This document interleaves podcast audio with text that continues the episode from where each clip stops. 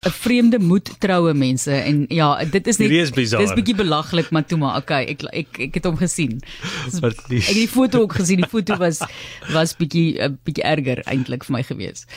Verlies jy weet in antieke Egipte het die mense versigtig daar langs die Nyl gestaan, na die krokodille gekyk en gedink, so bek. En Sobek is die naam van hulle krokodilgod. Nou in Mexiko het hulle gekyk en gedink, Sobek moet meer as jam kry. Miskien 'n swinkie, maar beslis die ja-woord.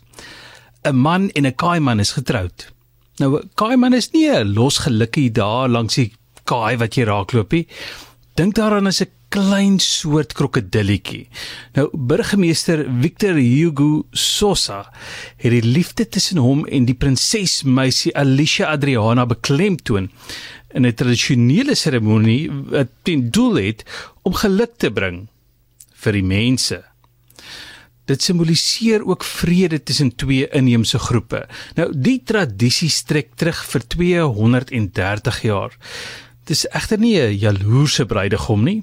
Voor die seremonie word die bruid van huis tot huis gedra dat die inwoners met haar kan dans.